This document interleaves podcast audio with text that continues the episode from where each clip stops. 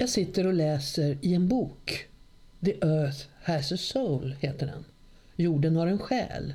Av Meredith Sabini, en amerikansk poet och psykolog. Hon har länge engagerat sig i ett ganska okänt psykologiskt fält som nu växer starkt. Ekopsykologi. Dagens avsnitt av Jungpodden handlar om det. I boken har Sabini samlat utdrag från Jungs skrifter, brev, föredrag och intervjuer där han talar om sitt mycket speciella sätt att betrakta naturen. Man kan sammanfatta det i en slags slogan. Naturen, det är vi. Eller för att vara lite mer precis. De flesta svårigheter vi människor har beror på att vi har förlorat kontakten med våra instinkter, med den uråldriga kunskap som finns inom oss. Human Nature heter också en utställning som pågår ända till januari 2022 på Etnografiska museet i Stockholm och som ligger helt i linje med Carl Gustav Jungs tankar. Hör bara när Etnografiskas Karin Westfeldt berättar för Annika Torell om nya trenden skogsbad. Hej Annika! Hej, Vad kul att du hittade hit till det här lite hemliga stället. Väldigt hemligt. Jag har gått förbi här på vägen utanför flera gånger men jag har aldrig sett det här fantastiska trädet och rummet vi sitter i nu. Ja, det är ett, ett pilträd som har lagt sig ner och delat upp sig på en massa stammar. Och I utställningen Human Nature där berättar vi hela tiden om hur allt hänger samman. Klimatförändringar, konsumtion, naturens rättigheter och olika ursprungsfolks förhållande till naturen.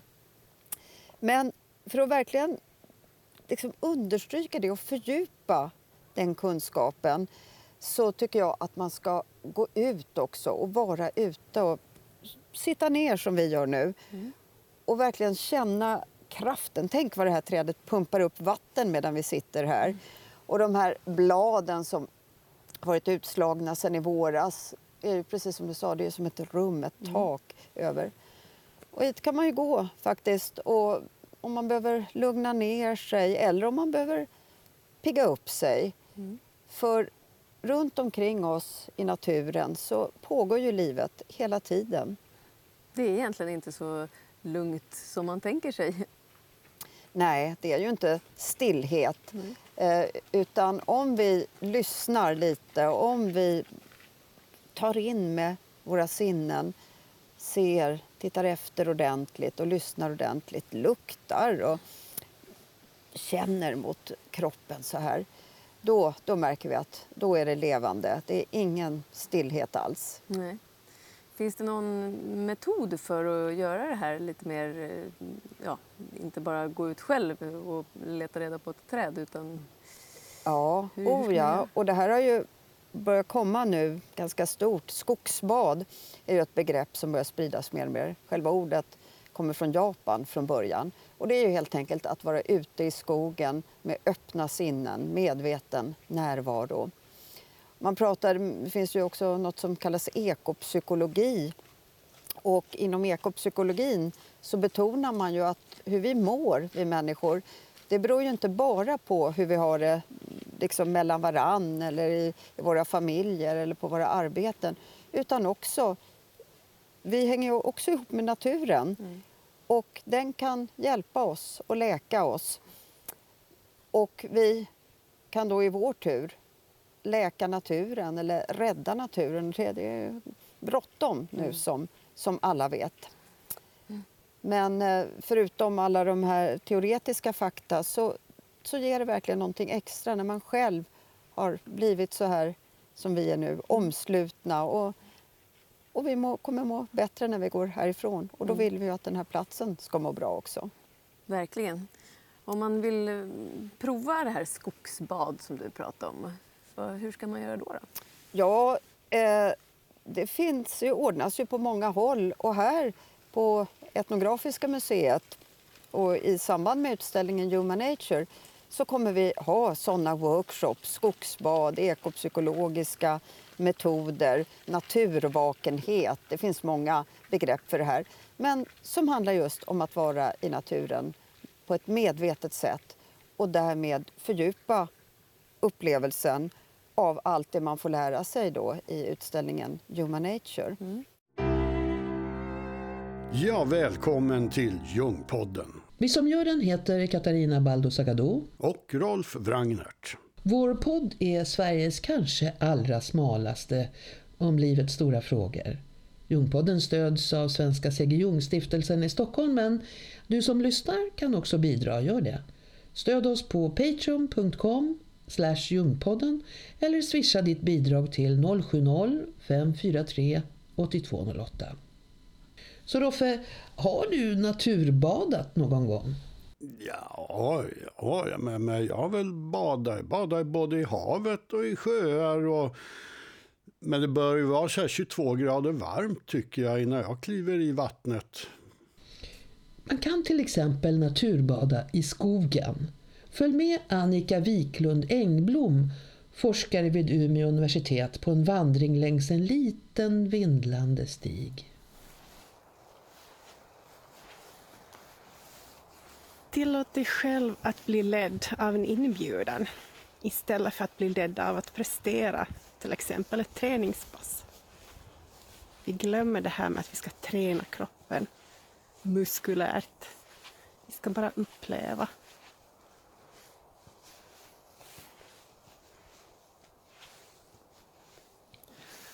Undvik också att se skogen som en plats där du ska utföra aktiviteter Tänk dig istället skogen som en partner att samarbeta med.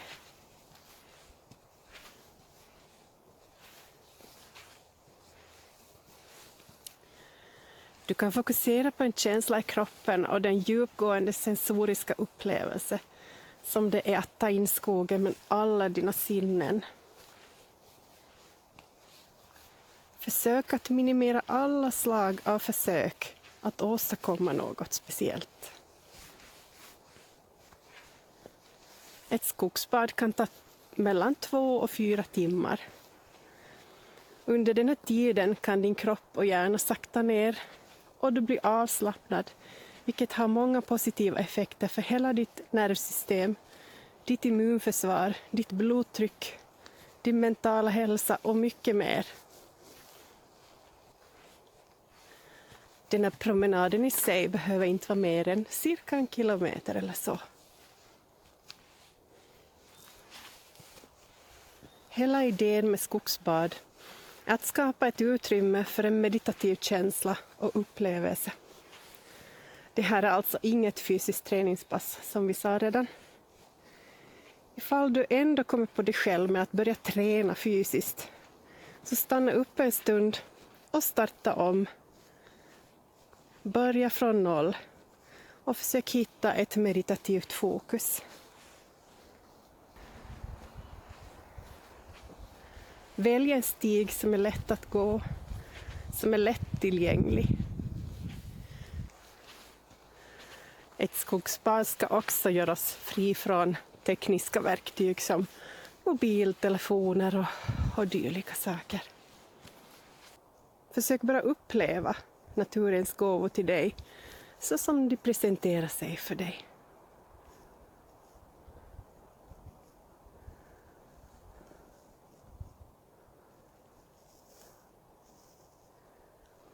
Försök inte heller att uppleva naturen som någon annan har beskrivit sig upplevt den.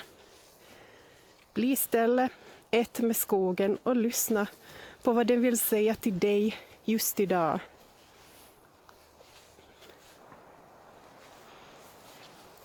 Undvik också att försöka återskapa tidigare positiva upplevelser du haft i skogen. Släpp taget på alla förväntningar och låt det bara hända av sig själv. Lita på att skogen kommer att finnas där för dig på precis det sätt som du behöver just nu. Tillåt dig själv att öppna upp för just den upplevelse och ta emot den med tacksamhet.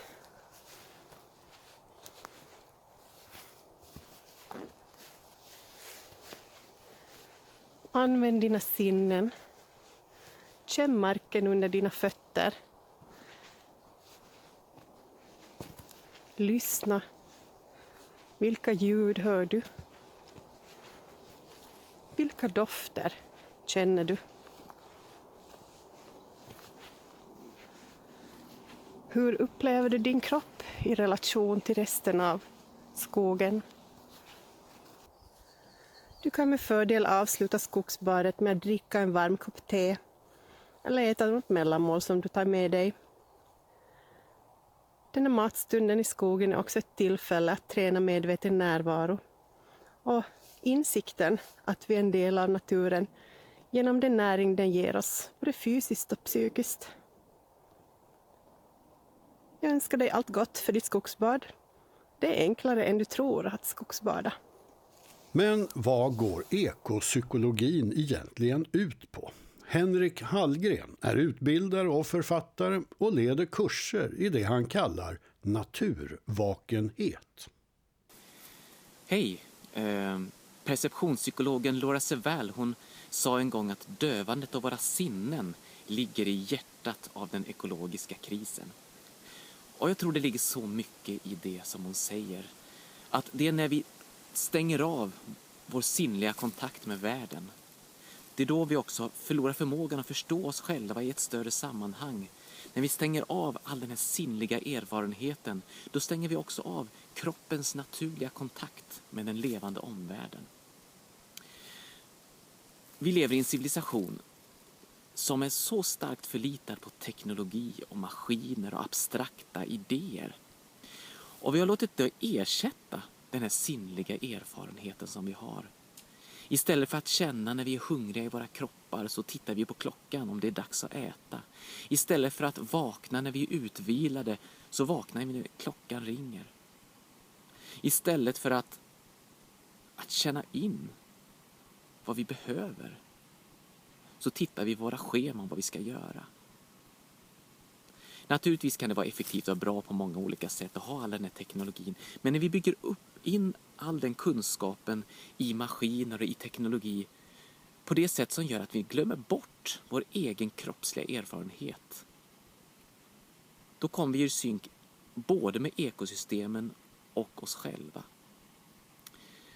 Och jag tror ju att just att återvända till sinnen, att återvända till kroppens levande erfarenhet, det är den väg vi behöver gå om vi ska kunna hantera både vårt psykiska lidande och den ekologiska krisen vi står inför.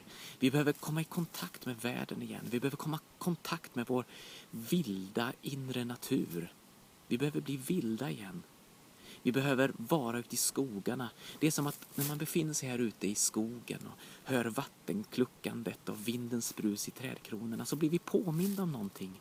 Vi blir påminda om att vi också är natur. Vi blir påminda om ett ursprungligt sammanhang som vi alltid har varit en del av, som vi alltid kommer vara en del av, men som vi på något sätt ändå glömmer bort. Ekopsykologin handlar om det här.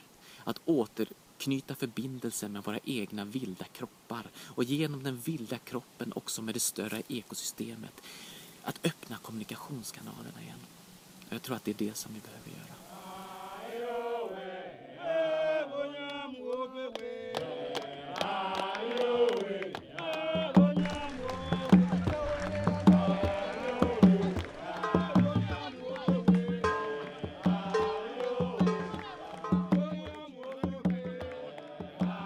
Här musiken kommer från Sydafrika där så kallade heliga vandringar i naturen är en stor grej.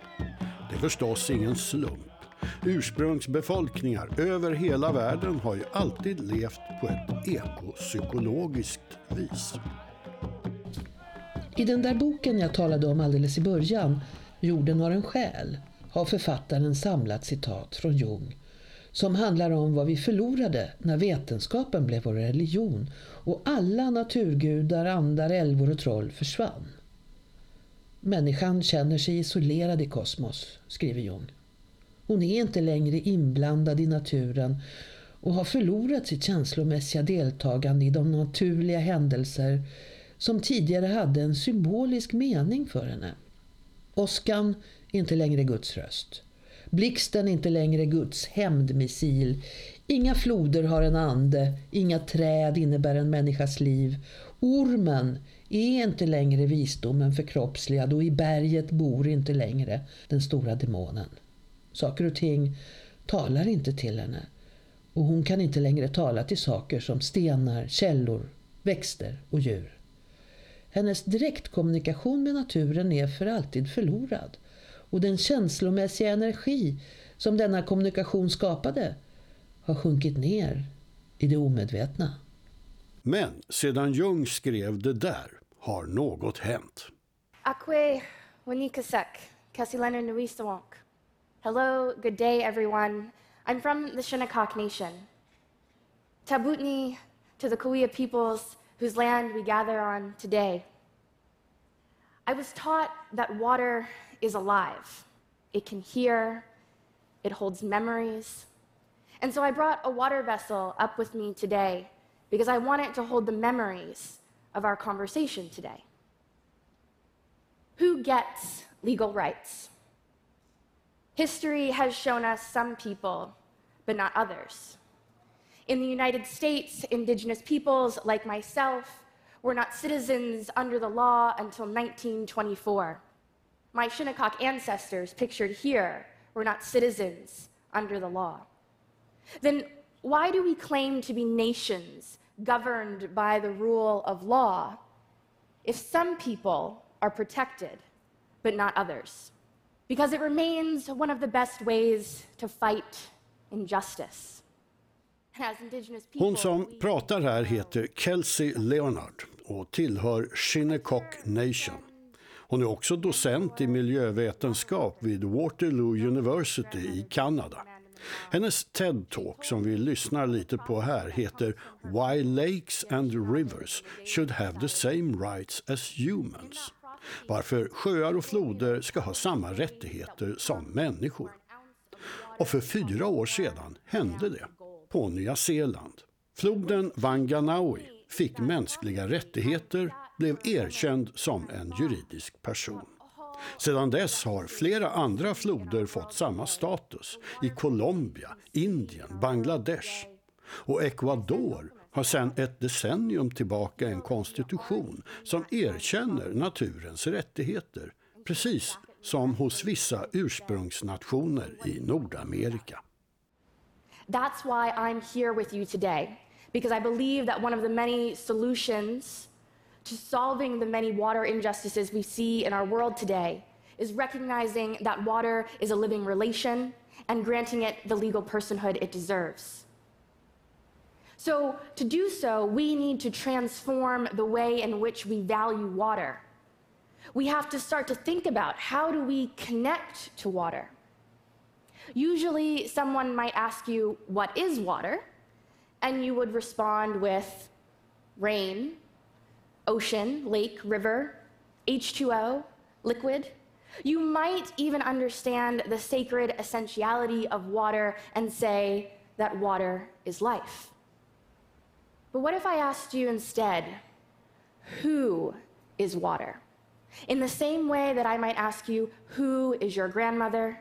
Who is your sister? That type of orientation fundamentally transforms the way in which we think about water, transforms the way in which we make decisions about how we might protect water. Protect it in the way that you would protect your grandmother, your mother, your sister, your aunties.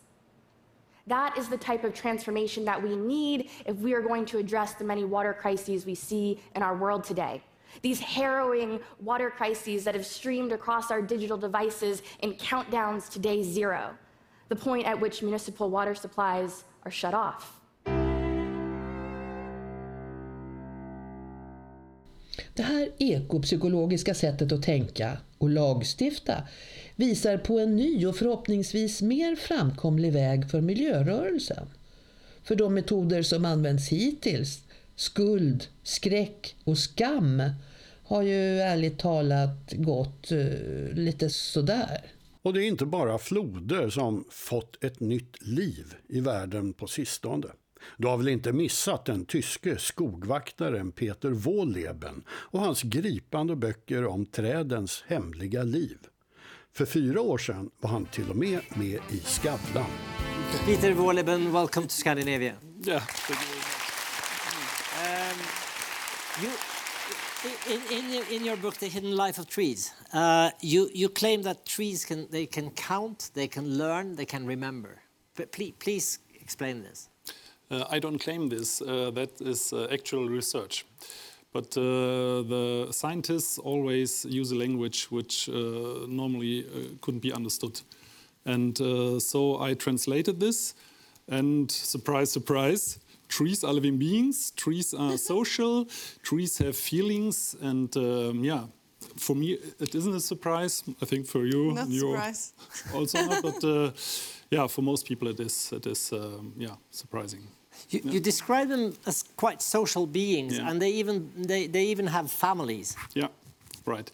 That is uh, that was uh, so, they, so yeah. they couple, right? Yeah, they have they have uh, they for example they suckle their children. Yeah, that is. Yeah, you can measure it. That they, uh, yeah, you can say like a biologist, they pump sugar solution uh, through the roots which are connected and so on, blah blah. But uh, that is suckle. They they nurse their their children, and uh, when you chop those old mother trees, you uh, leave the children alone, and they they grow very fast, like uh, pigs in a big stable, which you feed and feed and feed, and which will be slaughtered after several months. And modern forestry don't want to uh, keep trees too long in the forest because uh, otherwise um, you don't have too much money when they grow too slow. But uh, mother trees like to uh, keep their children uh, in a um, very slow growing state so um, that they grow up in between, you can say, 200 or 300 years. And that's the youth of a tree, usually, but not in modern forestry. Do, do they do they have uh, like like uh, like friend friends and enemies among other yeah. other trees? Uh, trees are very social uh, among each other, uh, among uh, the same species. And um, but they have friends, special friends. But it's a problem. you have to grow where your seed comes to the ground, and um, when beneath you that is someone you you don't like, then it's over for a lifetime with friends. and uh, when uh, beneath you grows up a very nice, gentle tree, then those trees connect each other like a couple. And uh, the thick branches are built um, uh, on the other side so they don't disturb each other. And when you cut off uh, one of both trees, the other one uh, often dies too, like an old couple where the remaining person says, Oh, it doesn't make any sense to live anymore. Even though it's a different tree? even though it's a different tree. Different but uh, tree, yeah. uh, you can say trees are so connected that, that you uh, may speak from a superorganism, uh, like, an, uh, like ants or bees. the trees work together. They are no individualists. So how can they work together if they have some kind of enemy? Yeah, for example, uh, trees talk to each other. Yeah, for example, when a little insect stitches the bark, the tree feels a pain. Yeah, and um, it, it, hurts him, and so he uh, pumps, uh, for example, a little poison in his bark to kill the, the beetle. But uh, he just uh, he also warns uh, the species around its its neighbors, and uh, he he don't think just at himself. Um, the tree think at his neighbors, at his friends, at his brothers, sisters. And um, he warns uh, oh, it, yeah, I say he, she, but it, it warns uh, with a, a, gas. But uh, gas is problematic because uh, when you have a windy day, the, the trees which are besides uh, the, the wind side, they didn't get any warning. And so um, trees are connected with, by the roots.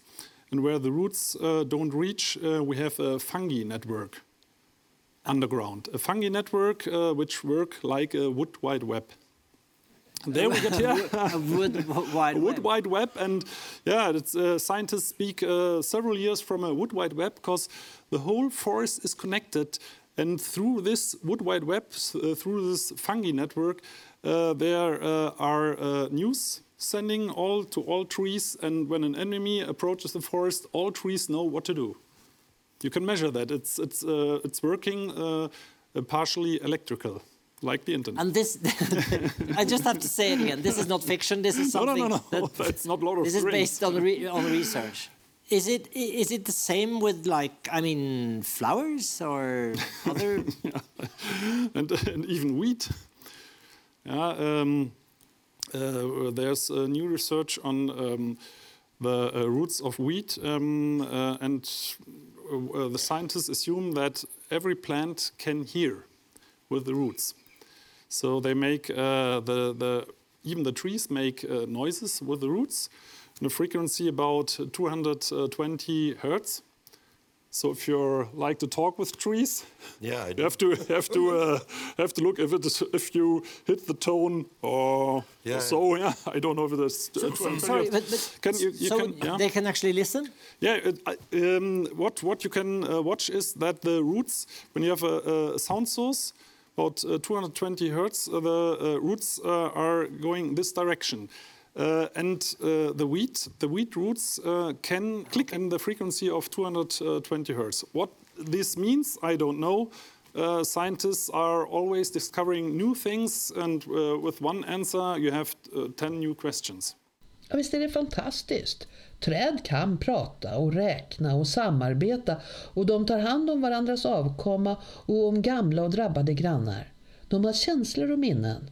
Inte undra på att skogsbad fungerar. Och att folk ofta talar om att de relaterar till skogen. Det upptäckte religionshistorikern David Turfjell, förra årets kultursvensk enligt tidningen Fokus, när han intervjuade några svenskar för en undersökning som till slut blev en nästan lika fascinerande bok som den tyske skogvaktarens, Granskogsfolket. Och här har vi ett litet avsnitt ur en podd från Norstedts. Det är ganska lätt för många att skriva under på utsagan att naturen är min kyrka. Ungefär så. Men det där innebär inte att det är historiskt korrekt att beskriva att naturvurmen har liksom ersatt kyrkan. Utan det blir en mycket mer komplicerad historia eh, om man undersöker det historiskt. Men eh, det som folk berättar är ju att de, naturen först och främst är en sorts vacker fond då till det goda livet. Man är där och tar en paus eller motionerar eller umgås med vänner. Eller något så här. Det är någon sorts vacker bakgrund till allting som man tycker är positivt. Det är semester och ledighet och helg och sånt där. Eh, men sen ibland, eh, om man liksom frågar lite mer så kommer det också fram att naturen eh, har en någon sorts djup betydelse. Och vad det där betyder är lite svårt att sätta ord på. Det är också många som ger uttryck för att man inte riktigt vill sätta ord på det. Att man liksom på något vis plattar ut det och förstör eller geggar ner det på något vis, den här djupkänslan man kan ha.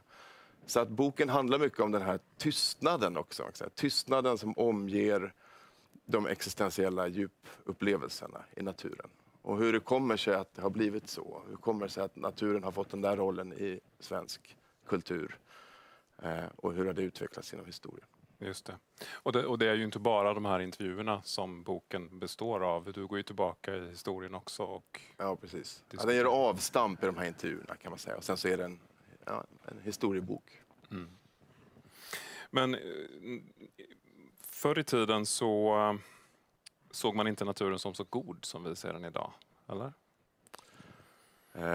Ja, man kan säga att det sker, om man tänker, jag är ju intresserad av sekularisering och liksom avkristnandet som kulturell process eh, sådär, i Sverige. Eh, och då skulle man kunna beskriva att det finns en sorts, en, en rörelse av sekulariseringen, alltså avkristnandet, är rörelsen från inomhus till utomhus på något vis. Om man tänker sig i eh, för, det förmoderna samhället så fanns det allra heligaste. Det, det mötte man då vid ett stenaltare i en stenkyrka omgiven av ett skyddsvärn i mitten av stan. Liksom. Där mötte man Gud och i den kristna eh, religionen.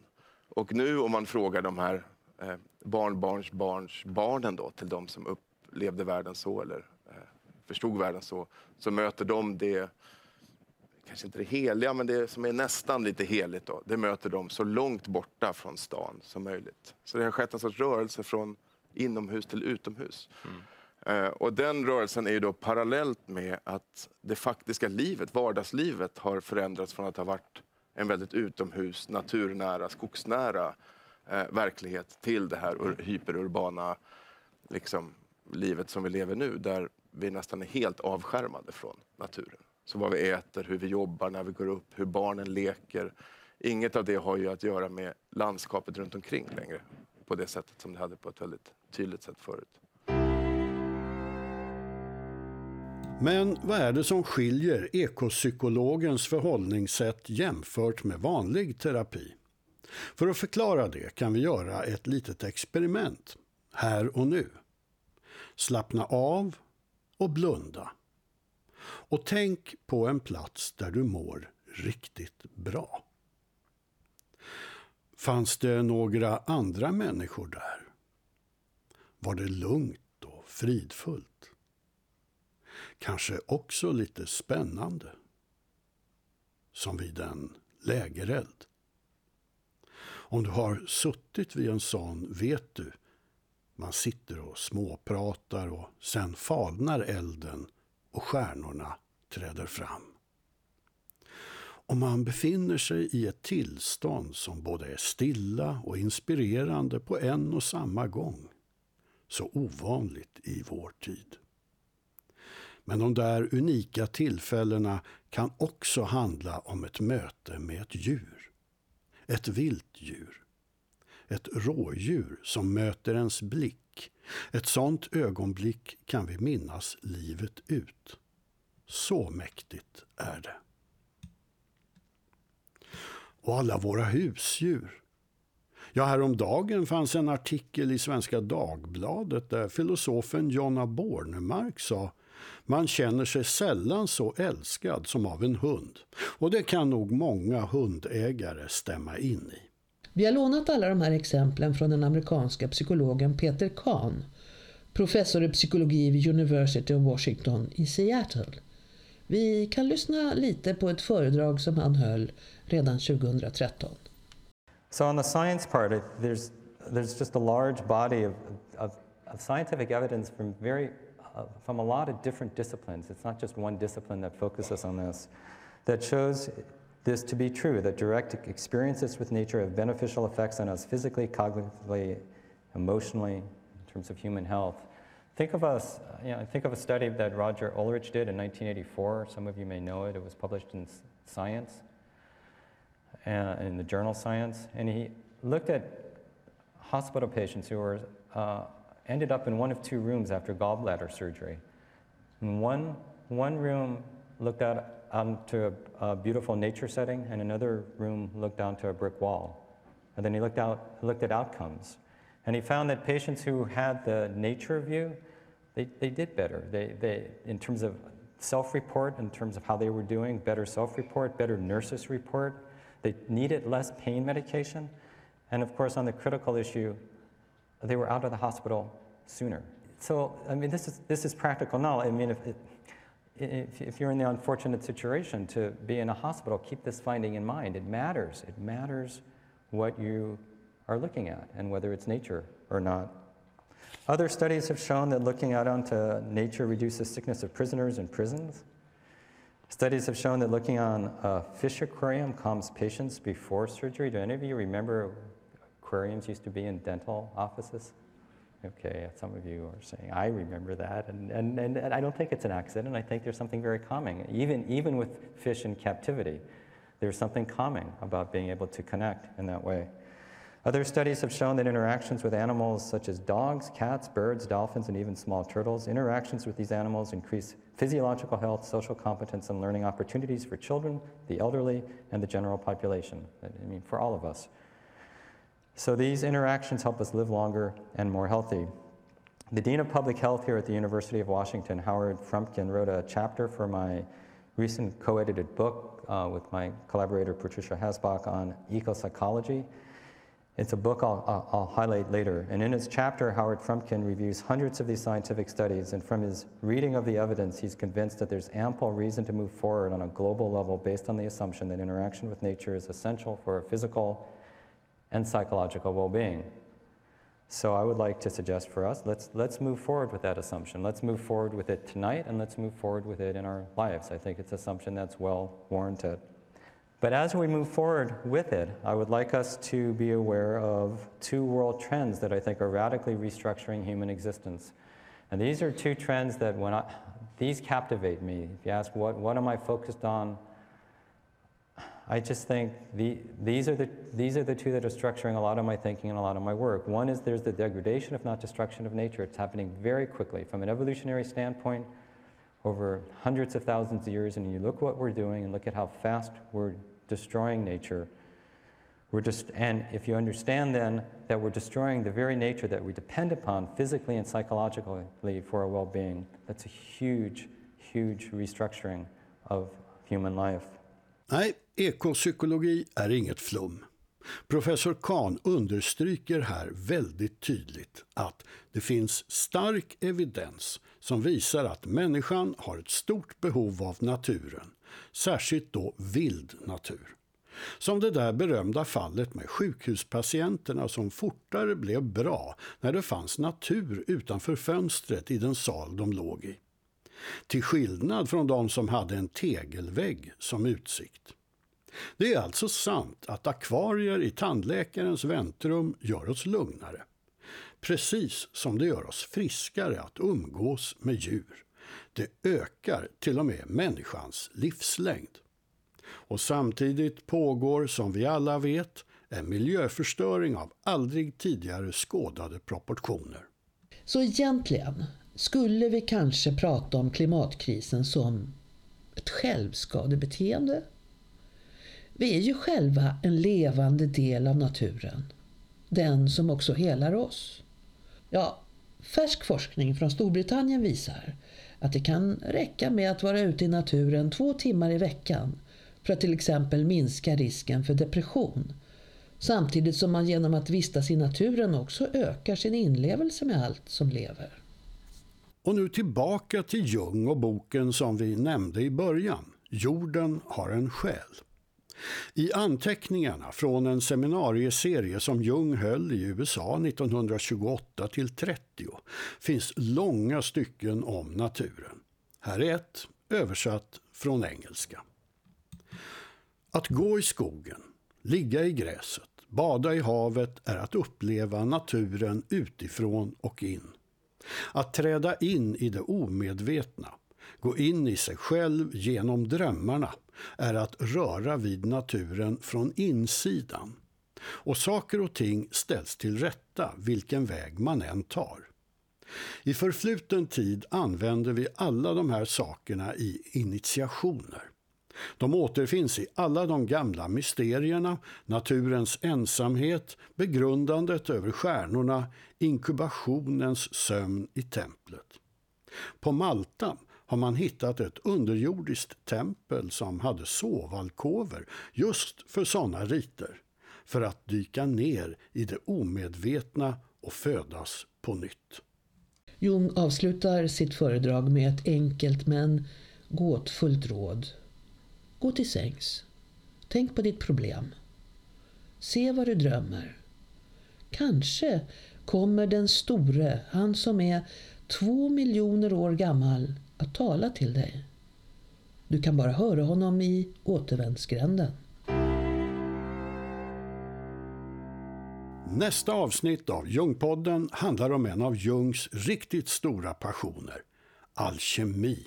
Missa inte det! Gå in och prenumerera på Jungpodden på iTunes eller Youtube eller Soundcloud. Jungpodden finns också på Facebook. Och bli vår sponsor på Patreon. Gå in på patreon.com och sök på Jungpodden och bestäm dig för att betala en liten slant för varje avsnitt vi publicerar. Tack på förhand. Vi hörs! Vi hörs!